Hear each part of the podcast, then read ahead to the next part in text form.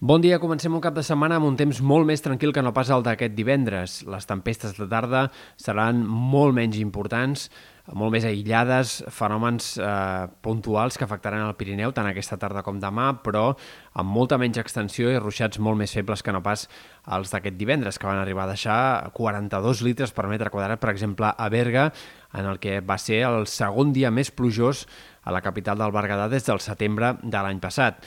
El sol, per tant, predominarà. Demà potser amb algunes bandes de núvols prims més i segurament la gran protagonista serà la calor, que anirà a més avui, sobretot en comarques on ahir va haver-hi més rebombori, però demà ja d'una forma més general, amb màximes que començaran a superar els 35 graus en comarques ja no només de Ponent o de les Terres de l'Ebre, sinó també fins i tot a la Catalunya central i en comarques prelitorals. Aquesta calor encara es dispararà una mica més entre dilluns i dimarts i no començarà a fluixar una mica ben bé fins que comenci la segona part de la setmana que ve. Per tant, tindrem ben bé quatre dies de temperatures plenament caniculars i de calor de ple estiu, eh, potser no en valors extrems, però sí en valors clarament de calor avançada per l'època també a les nits, que començaran a ser de mal dormir en molts sectors de la costa.